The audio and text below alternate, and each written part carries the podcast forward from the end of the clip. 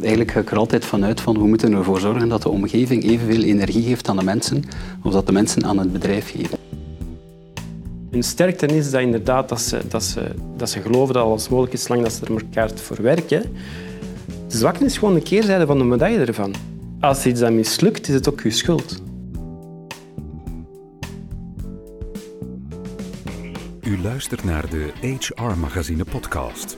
Een bekende journalist interviewt twee experts over een actueel HR-thema. Ze geven hun visie op de toekomst.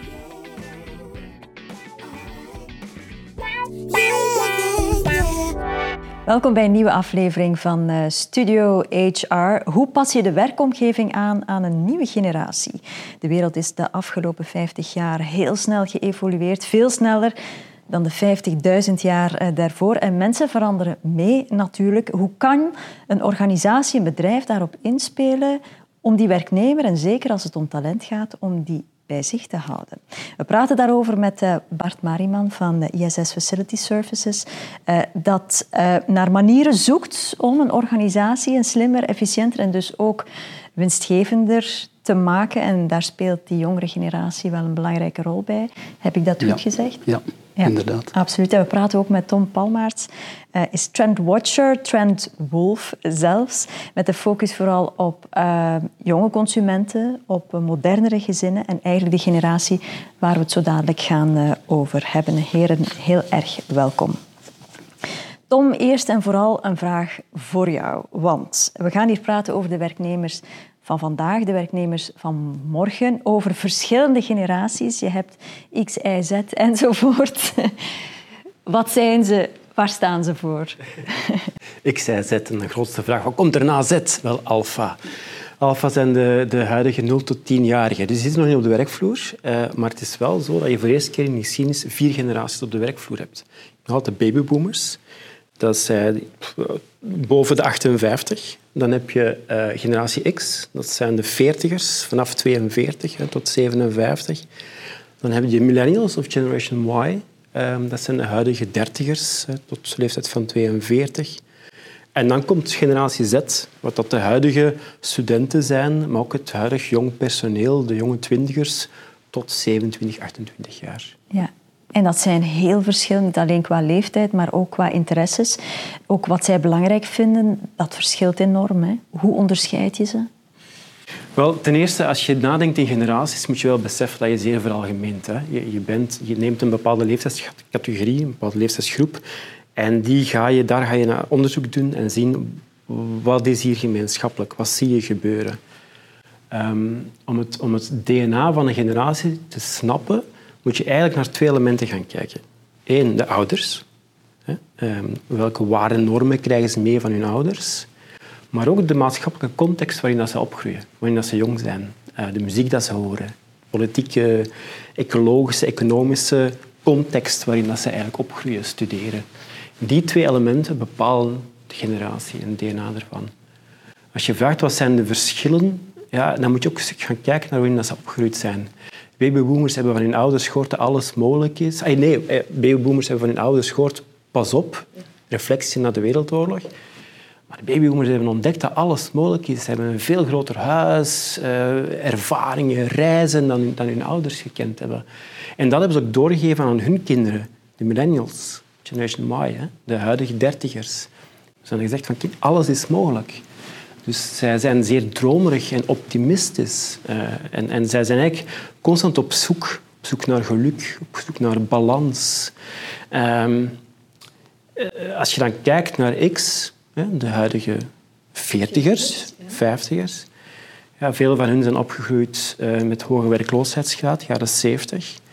Uh, wat, wat jongeren van generatie X zijn opgegroeid met de opkomst van MTV, Duran Duran, Girls Film, uh, de, de, de, merken, uh, Levi's, brands, uh, alle marketing er rond.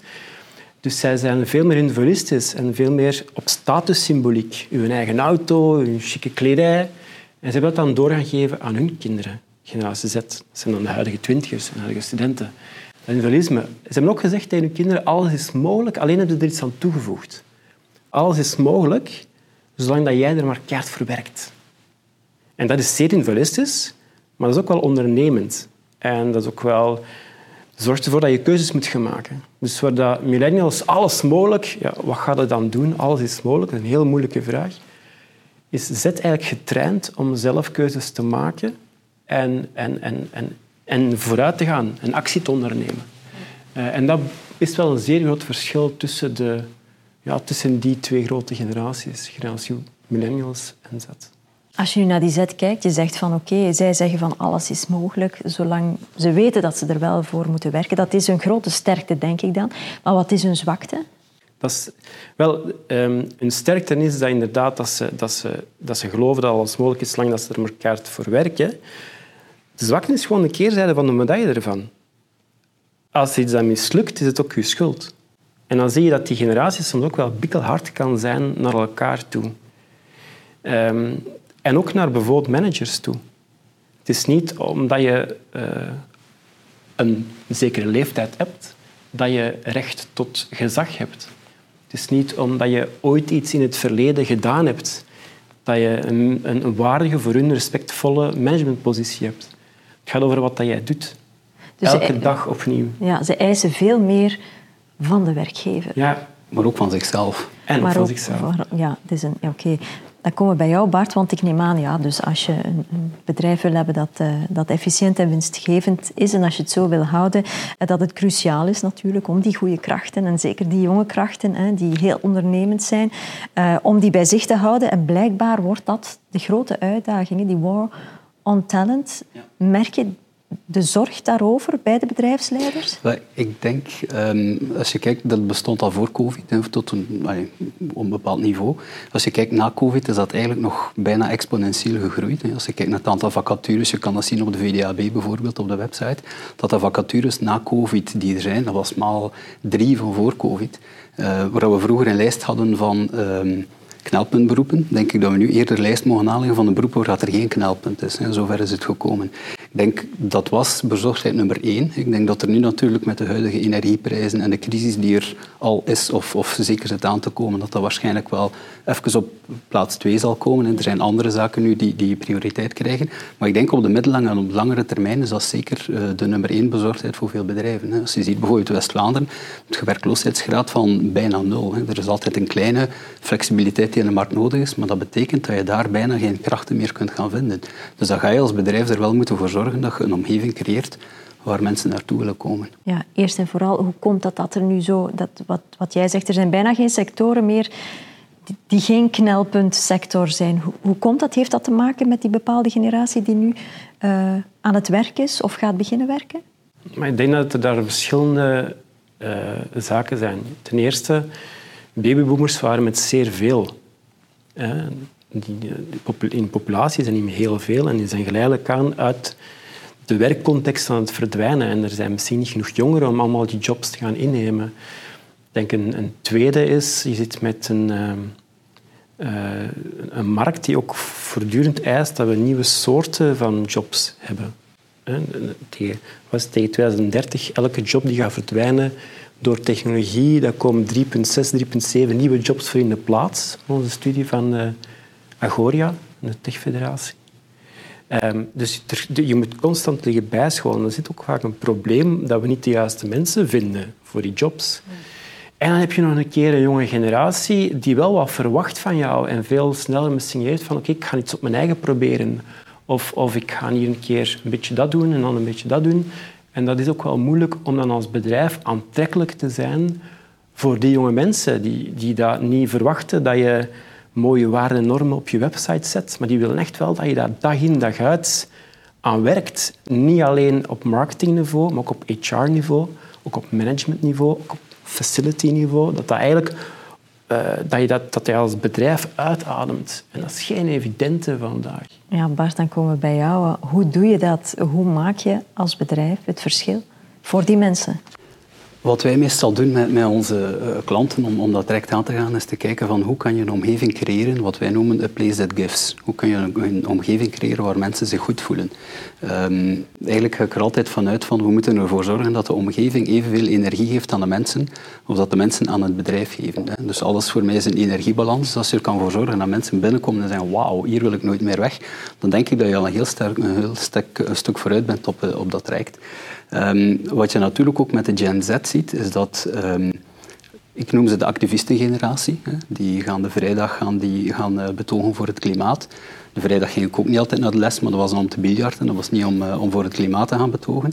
Dus je ziet dat die ons wel een geweten aan het schoppen zijn. Hè. En dat is ook in de bedrijfswereld. Dus als je als bedrijf nu die Gen Z wil gaan, gaan aantrekken en behouden, dan moet je een purpose hebben. Het gaat hem niet alleen meer over beleving. Experience is een hele belangrijke. Maar je moet eigenlijk nog een stap verder gaan rond die, die purpose. Van wat is het purpose van het bedrijf? Vroeger was dat een missie en een visie die ergens op de website stond.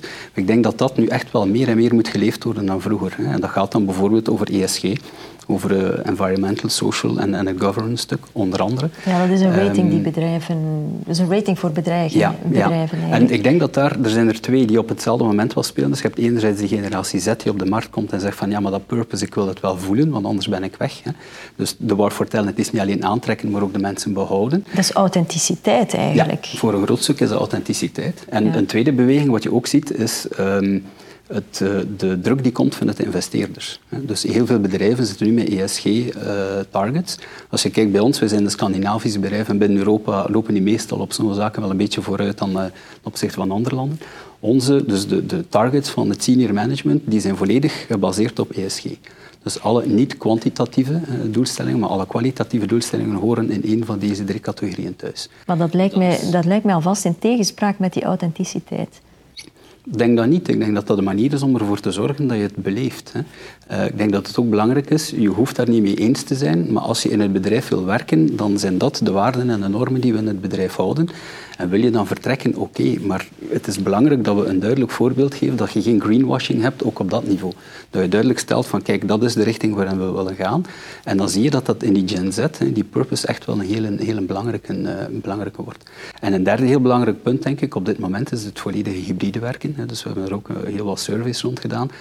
Um, een aantal bedrijven zijn een beetje in een paniekmode geschoten, denk ik, en, en, zijn te ver gegaan. Dus de slinger is volgens mij een beetje te ver uitgeweken. Bedrijven die vier of vijf dagen homeworking toestaan aan, aan mensen, ik denk dat dat nefast is. Enerzijds naar het energieniveau van de mensen die vijf dagen thuiswerken is niet hetzelfde dan wanneer je op kantoor komt. Maar ook langere termijn, er is geen sociale cohesie tussen de mensen. En het is aangetoond dat als je een beste vriend hebt op het werk of vriendin op het werk, is de kans dat je blijft en dat je productief bent veel hoger dan wanneer dat je eigenlijk alleen in je living zit. Als je dan de jongeren kijkt bijvoorbeeld, een carrière wordt niet gemaakt in de living. Uh, je gaat daar niet de juiste mensen leren kennen, de juiste projecten leren kennen, leren begrijpen hoe dat een, een, project, hoe dat een bedrijf in elkaar zit. Dus wat wij zagen maar, bijvoorbeeld maar na die lockdowns, ja. is dat de eerste die terug naar kantoor kwamen, dat was senior management. Ja, die moesten terug naar kantoor, want ze hadden het niet meer onder controle. Hè. En anderzijds ook de jongeren, die stonden te popelen om terug naar, naar kantoor te gaan. Dat waren de eerste die er eigenlijk waren. En vandaar dat je ziet dat, dat de hybride werken ja, tot to a certain extent zou ik zeggen. Hè. Waar je wel moet voor opletten, en daarom denk ik is een policy heel belangrijk. Als je dan die jongeren naar kantoor en die staan dan een uur in de file om op kantoor te komen, is er niks frustrerender dan als je dat helemaal alleen zet op kantoor. Dus ik denk dat het heel belangrijk is dat je een, een goed weloverwogen policy hebt. Dat je bijvoorbeeld zegt twee dagen per week uh, mag je homeworken, maar de rest van de tijd wordt, er, wordt je toch verondersteld, tenminste intern of bij klanten of, of whatever te zijn. Dus dat zijn zeker een aantal manieren om, om ja, en, en, dan die goede werkomgeving, wat je zegt, heeft dat dan te maken met het feit dat daar een comfortabele zetel in een hoek staat? Of wat is daar dan ja. belangrijk? Wel, dat is een heel goede. Ik was uh, deze vakantie was ik in, in, San Francisco en ik heb daar een bedrijf gezien. De typisch Amerikaanse bedrijven, het waren geen cubicles, maar dus gewoon die, die landschapsbureaus. En die hadden ook nagedacht en die hadden daar een sofa gezet, uh, ergens in een hoekje van het kantoor. Hè. We hebben er al over gepraat de manier om dat te doen is niet je kantoor volzetten met pingpongtafels. Hè. Ik denk dat je moet, ik was vorige week zo in een bedrijf waar ik beneden kwam, die volledige benedenverdieping, dat was eigenlijk zoals een living. Meetingrooms waren geen meetingrooms, dat was een kleine living. Hè. Dat waren ook wel tafels maar het was een, een gemoedelijke, warme sfeer.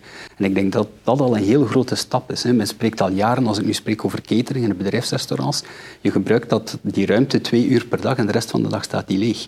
Ehm, en dan denkt men, ja, we gaan een paar mooie stoelen zetten en een paar planten en mensen gaan dat gaan gebruiken. Zo werkt dat niet. Hè. Je moet het eigenlijk het concept volledig anders gaan bekijken. En dus wij hebben bijvoorbeeld een afdeling Workplace Management die zich bezighoudt met hoe moet je dat nu gaan inrichten om ervoor te zorgen dat je die vierkante meters kunt gaan gebruiken. Ja. Maar een andere heel belangrijke voor bedrijven is, wat we nu typisch zien als ze terugkomen naar, naar kantoor, dinsdag, donderdag full house, maandag, woensdag al een stukje minder. En de vrijdag dan zie je niemand op kantoor. Dus als je dat bekijkt vanuit efficiëntie van een bedrijf, zou je eigenlijk moeten tot een systeem komen dat je zegt, we moeten dat proberen gaan uitmiddelen. Maar dat is natuurlijk geen evidente, eh, want dan ga je weer degene die de vrijdag komt, die zit daar alleen, dus die gaan nog minder komen. Bedrijven die dan zeggen, we willen minder eh, investeren in catering, dus we gaan de vrijdag de warme maaltijden afschaffen. Ja, ik zou eerder zeggen, weet je wat, geef gratis warme maaltijden de vrijdag. Dan gaan de mensen misschien wel de vrijdag komen, dan ga je op die manier ergens gaan de dingen proberen uitmiddelen. Dat, en dat is natuurlijk weer een kost. En, en, kosten die worden zoveel mogelijk geschrapt, wel, maar denk dat is, ik, Het is een korte termijn kost. Maar ik denk op langere termijn, als je zegt van dinsdag en donderdag is iedereen aanwezig en de rest van de week niet, dan kan je eigenlijk niet efficiënter zijn op vierkante meters. Want je moet je nog altijd voorzien om die vierkante meters, allez, op de vierkante meters van vroeger.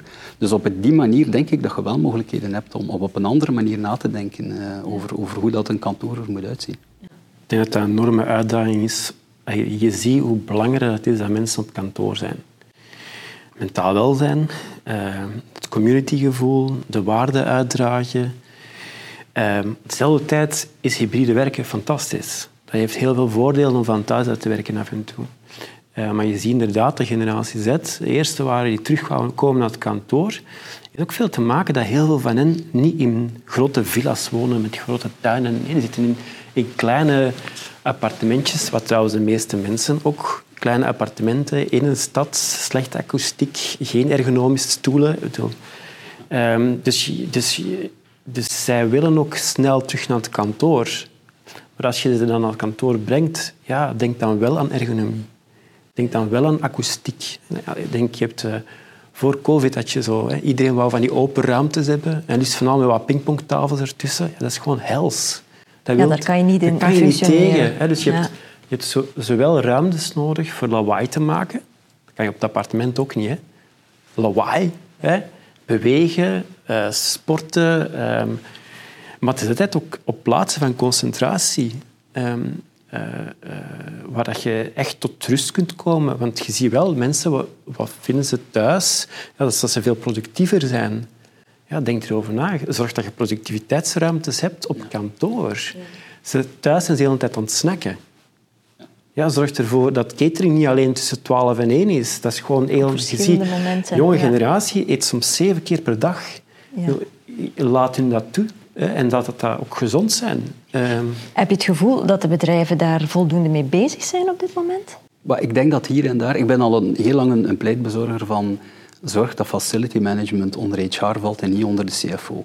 Zolang je onder de CFO zit, ga je verantwoordelijk zijn voor de kostprijs per vierkante meter. En ik denk dat we nu in een fase zitten dat facility management geen kostprijs per vierkante meter meer mag zijn. Ik denk dat dat op een andere manier moet bekeken worden. En daar heb je meer kansen als je onder, onder HR zit. Wat wij nu bijvoorbeeld doen is... Een, want de vraag is ook, veel bedrijven zeggen, ja, maar wat moet ik dan doen? Ik wil een, een bepaalde ervaring gaan creëren, maar hoe moet ik dat gaan doen? waar wij meestal mee starten, we hebben een survey ontwikkeld, waarbij dat we eerst gaan kijken, niet alleen naar gender, welke profielen dat je daar hebt, maar ook naar millennials en, en de, de verschillende generaties, maar ook naar de personae. Om te zien, een heel goed voorbeeld, waar je zeer duidelijk in een Generation X ziet, als je spreekt over catering bijvoorbeeld. Wij zijn gewoon om alle dagen een warme maaltijd te hebben en alle dagen een andere warme maaltijd. Ja, als je dan kijkt naar sustainability... En die patatjes en groentjes en vlees. ja. En als je dan kijkt naar sustainability, dit is niet sustainable. Je kan niet, want dat was het ook als er twee of drie maaltijden zijn, en dan moest de laatste die in het restaurant komt, moest nog alle keuzes hebben, want anders was die benadeeld ten opzichte van de rest. Dat wil zeggen dat je op het einde van de shift enorm veel waste hebt. Dus daar zijn ook andere manieren om naartoe te kijken en te zeggen, laten we het op een andere, een andere manier gaan bekijken. En als je dan die jongeren hebt, die willen niet alle dagen een bepaalde... Nee, die willen keuze, die willen kiezen. Die willen bijvoorbeeld, ik zeg maar eens, dat je die spaghetti heel de week kunt pakken, maar dat je drie of vier keuzes hebt. En dan ga je ook naar sustainability een beter model hebben, omdat je dan niet alle dagen een overschot moet gaan weggooien en de dag nadien helemaal opnieuw moet beginnen. Dus dat zijn zaken, dat haal je uit die survey, dan kun je gaan zien van wat is juist de populatie, want een verzekeringskantoor bijvoorbeeld, de, de risk managers, dat gaat een heel ander profiel zijn dan wanneer je, dat je een IT-bedrijf bent. Dus probeer in te schatten op basis van die survey wat je hebt en bouw dan een experience rond uh, de populatie die je hebt. Dat heeft veel te maken met well-being, maar bijvoorbeeld die generatie Z, zijn die evenzeer bezig met loon en positie? Ja, ja, ja. ja. alles is mogelijk zolang je er maar keihard voor werkt. Dat is individualistisch en dat is eigenlijk gericht op ja, het is een generatie dat financieel bewuster is misschien dan vorige generaties. Uh, met Op welke manier? Met, inspraak hadden met hun ouders in wat dat ze gingen kopen, wat dat hun ouders zelfs gingen kopen, tot zelfs de aankoop van een auto werd mee, wordt mee door, door kinderen bepaald. Um, uh, dus ze zijn wel wat financieel bewuster uh, en ze hebben dat doorgekregen. Het is, dat is een stukje individualisme en, en statussymboliek. De vraag is, wat is de toekomst van statussymboliek? En waar dat generatie X een auto heel belangrijk vindt, gaat misschien zo zijn dat generatie Z op den duur evolueert naar oké, een auto is geen status, maar toegang hebben tot verschillende soorten van auto's is een status. Dus, dus dat, dat, dat, kan variëren. Maar status is absoluut belangrijk voor hun, dus ook verloning. Ik denk dat zij maar al te goed... Hey. Zoveel openstaande vacatures je bent talentvol. Je hebt wat verschillende ervaringen opgedaan. De werknemersmarkt en je werkgevers op dit moment. De werkgever gaat moeten afkomen. Hè. En als je, als je naar jonge gasten ziet die dat talent hebben, die, die wat de, het verstand hebben, die zichzelf wat kunnen verkopen, ja, die gaan een auto vragen. En die gaan, die, gaan, eh, die gaan willen betaald worden. En als jij het dan niet levert, ja, dan gaan ze wel ergens anders naartoe. Dus die, dat geld is Misschien bij millennials was dat wat minder belangrijk. Die waren over balans en ze willen ook regelmatig bij de kinderen kunnen zijn. En dan zie je dat bij hen misschien dat financiën wel terug echt wel op nummer één staat. En daarbij komen dan ja, de, een goede werkplek, de juiste purpose, wel... uh, de flexibiliteit van de werkgever, de relatie ook met de werkgever. Heel veel van hun vinden, als je kijkt naar de belangrijkste kenmerken van een werkgever, is echt niet alleen de relatie met collega's, maar ook de relatie met de werkgever, dat heel belangrijk is. Dat ze op elk moment gewoon de deuren van de manager kunnen open doen. En ook al ben je bezig met HR, even tegen de financiën gaan zeggen hey, ik vind dat jij slecht bezig bent. Dat klinkt zeer arrogant. Ja, maar zo zijn ze ook wel een eh, beetje dan. ze kunnen het zich permitteren. Ze kunnen zich permitteren. Anderzijds hoor je ook werkgevers klagen over het feit dat die jonge werknemers... Ehm, omdat ze bij wijze van spreken niet weten wanneer ze ooit op pensioen gaan kunnen gaan, nu al zeggen, ik ga vier vijfde werken. Ja. ja. Of dat reizen. doen ze dan ook. Of, of gaan reizen bijvoorbeeld. En wat je ook ziet, is, is uh, veel jongeren die met kortere opdrachten werken. Wat, wat een beetje in de tegenspraak is van ze willen een vast loon en ze willen goed betaald worden, maar die TikTok- en Snapchat-generatie, die, die toch wel... En, en daar is het als bedrijf ook heel belangrijk om te zien dat, dat ze juist een omgeving hebben waar ze die verschillende opdrachten kunnen doen binnen hetzelfde bedrijf. En dat je niet zoals vroeger een bepaalde job description hebt en dan mocht je niet buiten, want dat is uw job. En dan binnen een jaar of drie gaan we kijken als je iets anders kunt doen. Ik denk dat dit wel een, een andere omgeving is waar dat ze moeten hebben. We hadden het daarnet al even over authenticiteit. Mij lijkt het ook zeer belangrijk dat je hen dat geeft. Dat je oprecht toont dat je hen belangrijk vindt en dat je hen niet alleen engageert om het bedrijf winstgevender te maken. Ik denk een van de zaken waar er nu meest over gesproken wordt is greenwashing. En dat is zowel op het milieu, maar ook op het sociale. Als je zegt van diversity and inclusion, ja, maar wat ga je dan concreet doen? Gewoon zeggen dat je diversity uitstraalt, is niet voldoende. Wat zijn de, de, de zaken die je effectief gaat implementeren om te zorgen dat bepaalde uh, doelgroepen toch uh, hun houding vinden in, in, het bedrijf. Ja, en, dan... en, hoe zie je dat dan in recruitment? Hoe zie je dat dan in catering? Hoe zie je dat dan op managementniveau? Hoe zie je dat dan echt? Eigenlijk, als bedrijf heb je eh, al die, dit soort van termen en, en, ideeën, dat is allemaal heel tof. En je kan daar een jongere publiek mee aanspreken, zolang je er ook effectief naar handelt. Je kunt beter zeggen van, kijk, wij gaan werken rond sustainability, of, of inclusion is voor ons belangrijk. Okay, maar zeg dat niet gewoon. Als je het zegt, doe het dan.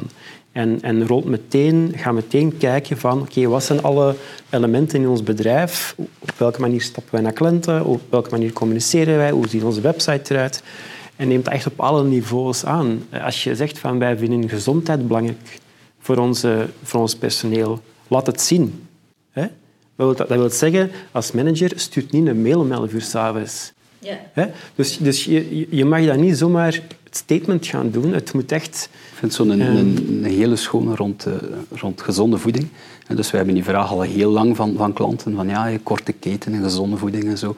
En toen zeiden we, ja, we kunnen dat allemaal implementeren voor u. Dat kost je dan een halve euro of een euro meer per maaltijd. Toch ja, liever niet. Misschien toch niet. Hè. Wat je nu ziet met Gen Z, you better be ready, want zij gaan dit wel eisen. Hè. Als je hen de typische traditionele dagschotel gaat voorschotelen op dezelfde manier als vroeger, dan, ja, dan gaan ze daar niet gelukkig van worden. Ja. Tom, nog heel kort vanuit jouw wetenschap. Wat is de ultieme tip voor bedrijven op dit moment? dat, dat, is, dat, dat, is een echt een moeilijke vraag. maar... Ja, um, dat ze zelf stelt. Ja, tof. Nee, ik, um, ik maak me soms wel zorgen over die generatie Z, die twintigers. Uh, ze zijn financieel bewust, ze zijn een stukje individualistisch. Oké, ook wel, ze, kennen de kracht van het netwerk. Ze zitten de hele tijd op sociale media, ze kennen de kracht van het netwerk. Maar, maar it's up to you. En um, dat maakt we, als je kijkt naar millennials, Generation Y, die waren de hele tijd bezig met balans werken tussen werk en privé. Zij blenden alles. Zij, zij gaan niet meer op reis voor, voor een uh, driedaagse naar, naar Barcelona. En ze gaan uh, drie dagen gaan wonen in Barcelona. Uh, zelfs hotels moeten zich gaan aanpassen hierop. Dat wil zeggen dat die ook blijven werken, want ze wonen in Barcelona. Ze zijn niet op vakantie. Dus alles is aan het blenden. En, en COVID heeft dat alleen maar versterkt. Maar er is een gevaar aan blenden, namelijk dat je geen rustpunt hebt. Ja. En we hebben dat met z'n allen nodig. En als je ziet dat dat, dat, dat, dat, dat individualisme erin zit en als alles aan het blenden zijn, um, nu al weet je dat mentaal welzijn bij jongeren echt wel, echt wel een belangrijk probleem is. Dat we, dat we meer dan de helft heeft regelmatig uh, gevoel van eenzaamheid. Meer dan 50% van de twintigers voelt stress, uh, zowel als student of als veel. En dat is veel meer dan, dan oudere generaties. Ik denk als we hier niet heel bewust mee omgaan als bedrijf, dat we ze gaan verliezen. Uh, en en uh, in, in burn-outs, of, en ik weet niet wat dat je als je op je 30 jaar, op je 25 jaar een burn-out krijgt, wat dat je dan moet gaan Ik denk, Tom, je hebt er 100% gelijk in. Het grote voordeel is dat ze wel openstaan voor hulp te krijgen. En dat zie je ook, is een verandering ten opzichte van vroeger. Gen Z die zegt van, ik heb er geen probleem mee om met een psycholoog te praten over mijn problemen. Dus dat is een opportuniteit, denk ik, voor bedrijven om te zeggen van, laat het ons opvolgen en zorgen dat het niet gebeurt. Ja, ja, wel. En op die manier ben je ook, dat jij juist zei, van, je ook luisteren naar hen. Ja, absoluut. Individueel. Ja. Je, dus... je maakt gewoon niet gewoon data om met je personeel in communicatie. Ik denk, we zijn zodanig gewired, we zijn zodanig geconnecteerd met onze gsm, met onze computers, dat net de tijd nemen om een persoonlijk gesprek face-to-face te hebben misschien wel een nieuwe luxe is en waardevol. Absoluut. Dus ik onthoud, uh, houd als bedrijf een vinger aan de pols van de maatschappij en leer er ook uit. zo gaan we misschien uh, toekomstige problemen kunnen oplossen of voor zijn. Heren, dank jullie wel voor dit gesprek. Heel graag gedaan.